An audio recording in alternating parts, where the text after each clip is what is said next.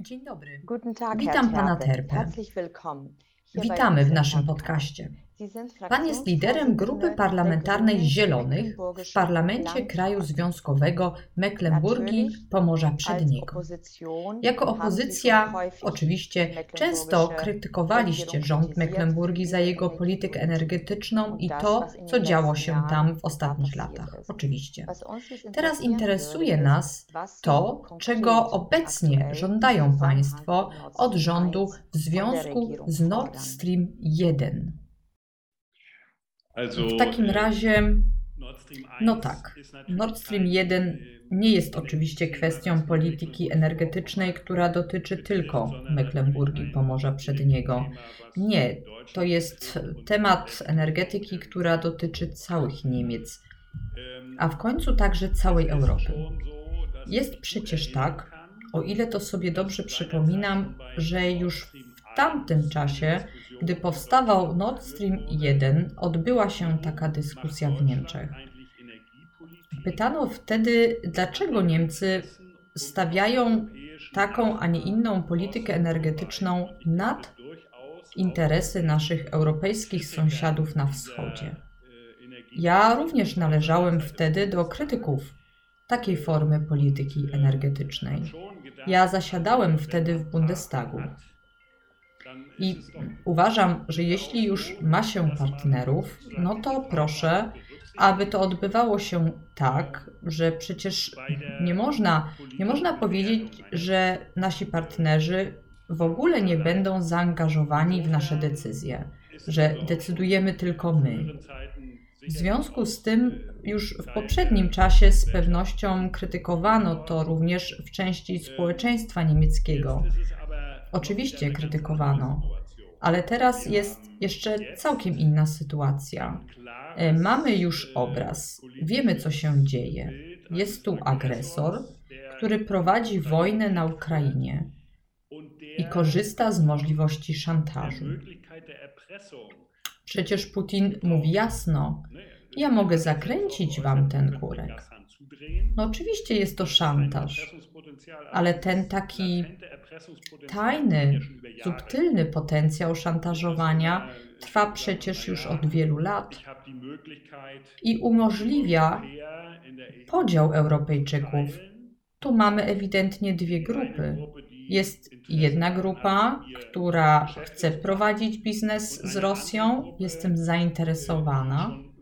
Jest jeszcze druga grupa, ona ostrzega przed tym, co, co to znaczy i do czego to wszystko zmierza.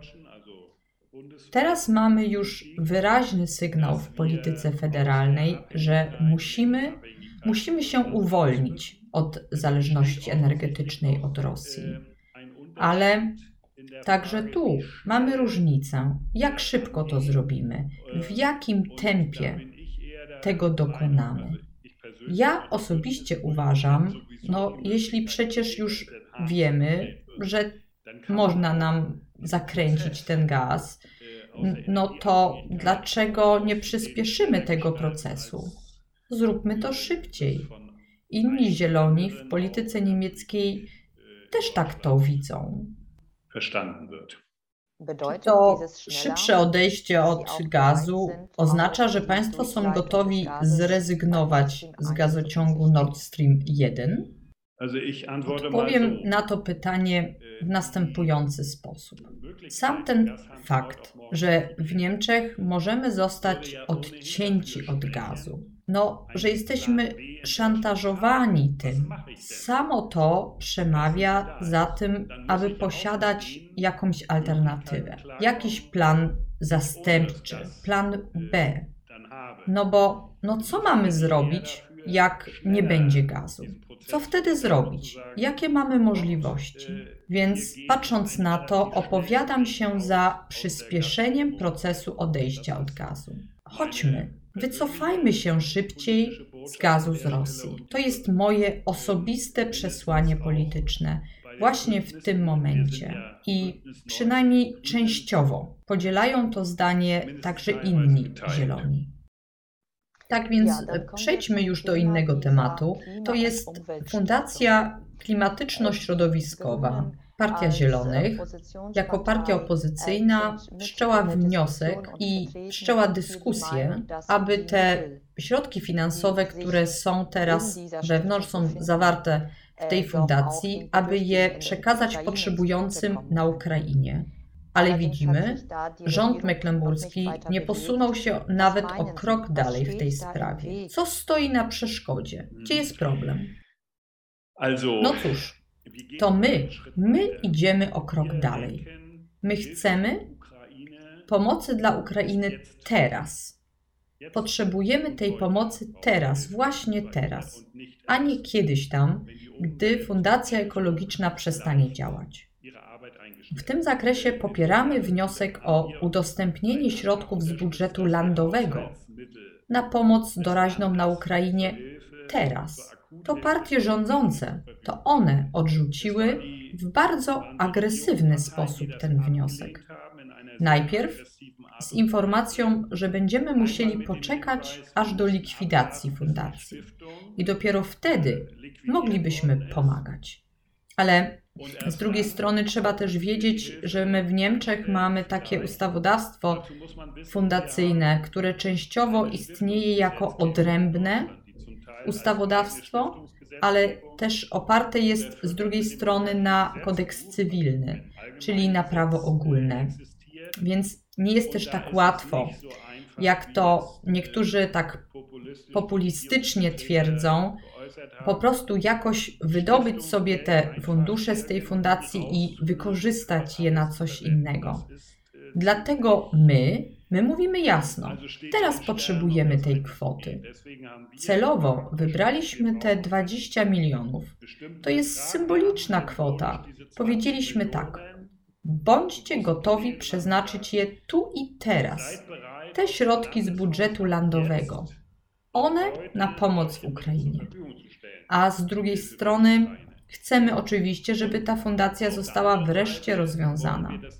A jednocześnie oczywiście nadal toczy się także u nas ta dyskusja, czy te pieniądze z tej fundacji nie są jakoś zatrute, jakoś brudne. I czy da się przełożyć tą fundację może na jakieś inne fundacje, bez żadnych zbędnych ceręgieli? Jak to będzie możliwe i czy w ogóle będzie możliwe? Zobaczymy, jak to się wszystko ułoży. Więc pozwolę sobie przejść do całkiem innego tematu. Mi tu chodzi o projekt w Rostoku. Niedawno Nowatek i Fluix chciały zbudować tam gazoport NLG. Jednak dopiero kilka miesięcy temu zrezygnowano z tego projektu. Teraz widać, w Mecklenburgii i Pomorzu Przednim znów się o tym projekcie dyskutuje. Jest pomysł, aby ten projekt wznowić. No bo jest on już o krok dalej, są nawet wydane pierwsze pozwolenia. Co pan o tym sądzi? Moja odpowiedź będzie znów taka zróżnicowana, więc podstawą mojej odpowiedzi jest fakt, że my jako zieloni chcemy jak najszybciej zrezygnować z gazu ziemnego, w tym także z LNG. My chcemy zastąpić paliwa kopalne odnawialnymi źródłami energii. To jest to, do czego dążą zieloni. Chcemy po prostu zostać na tej ścieżce paryskich celów klimatycznych. Uważamy, że mamy tylko ograniczony czas, który pozwoli nam na wstrzymanie globalnego ocieplenia. A to jest tylko możliwe przy stosowaniu odnawialnych źródeł energii. No, no a teraz mamy ten, ten czas przejściowy. Zieloni rozpoczęli już kampanię na rzecz energii odnawialnej już w 2003 roku. To było nawet 20 lat temu. Od tego czasu ta ekspansja energii odnawialnej postępuje w Niemczech, ale ona postępuje zbyt wolno. A teraz mamy sytuację, że mamy taki okres przejściowy, no jakieś 20-25 lat. Jeśli poważnie traktujemy paryskie cele klimatyczne, to w tym okresie przejściowym będzie musiała funkcjonować jakaś mieszanka będą te paliwa kopalne, no i odnawialne źródła energii. Zgodnie z naszym pomysłem do 2030 roku będziemy mieli w naszym miksie energetycznym nawet węgiel. No, według szacunków starego rządu było to dopiero możliwe w 2038, aby odejść od węgla. A przede wszystkim politycy SPD przekonywali w przeszłości, że to gaz będzie technologią pomostową.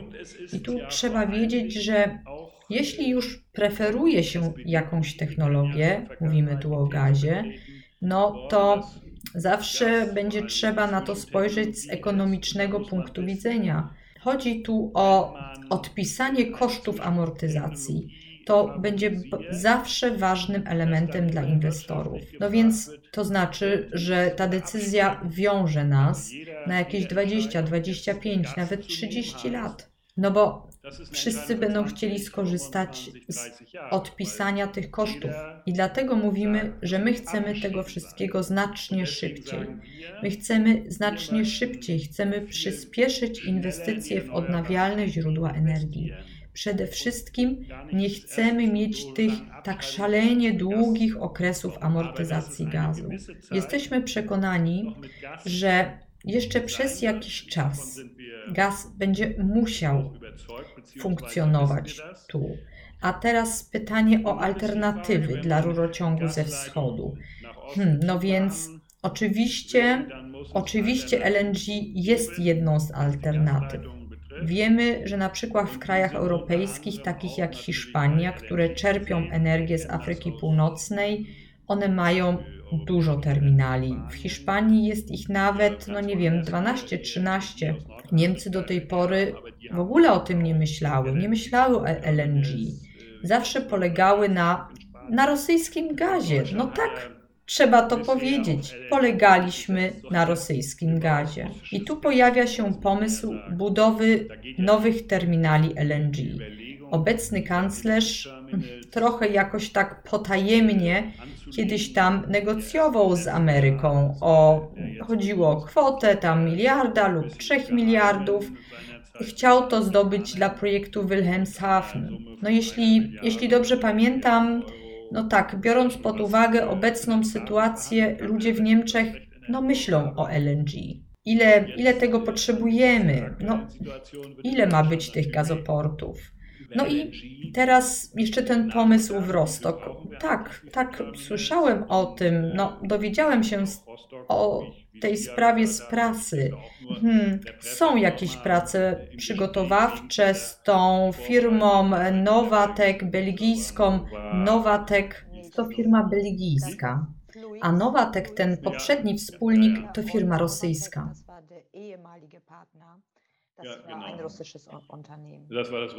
To była ta firma rosyjska i ten partner belgijski. To oni wtedy tak, te przygotowania do zatwierdzenia, oni to zaczęli. No tak, teraz dyskutuje się o tym, no, czy ten gazoport jest potrzebny, czy jest potrzebny w Rostoku. No, co jak co, jest to przy Morzu Bałtyckim po stronie niemieckiej. Rostok no, ma dobre warunki. Jest to w końcu port głębinowy. To coś daje. To port głębinowy. Widzimy też, tak przecież jest ten terminal LNG w Świnoujściu. No, on jest prawdopodobnie ciut dalej rozwinięty, ten projekt.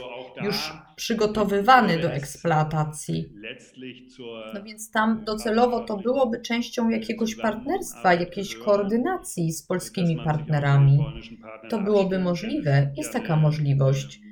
Gazoport LNG, ale też pomysł gazu przez polskie rurociągi. No, tam to Nord Stream 2. Nie, nie, to nie wcale Nord Stream 2, nie. Nie. To jest Baltic Pipe Chodzi o Baltic Pipe, ten gazociąg, który zostanie uruchomiony na koniec tego roku, tuż przy pańskiej granicy. No właśnie, no jest taka możliwość, a zatem opowiadam się za utrzymaniem w tej sprawie dialogu polsko-niemieckiego opartego na partnerstwie, ponieważ no tak szybko przez jakiś taki rok, no to ten LNG nie będzie dostępny w Niemczech. Ten rozwój również wymaga czasu, więc mówimy o kilku latach.